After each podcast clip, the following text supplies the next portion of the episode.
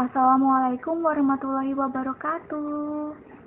Tidak sedikit sekolah di Indonesia yang menerapkan pendidikan jarak jauh dikarenakan adanya pandemi COVID-19.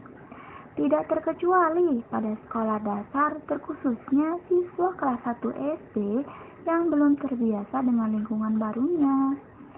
Kivi adalah siswa kelas 1 SD yang merupakan tetangga saya.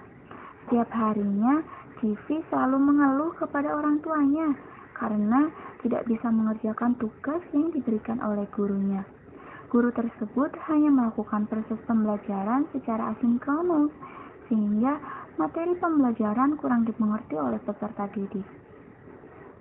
Menurut saya, pendidikan jarak jauh akan lebih efektif jika guru tersebut dapat memadukan kegiatan belajar asinkronus dan sinkronus pada anak tersebut dengan pengawasan orang tua, sehingga pembelajaran akan tetap interaktif walaupun terpisah oleh jarak. Terima kasih.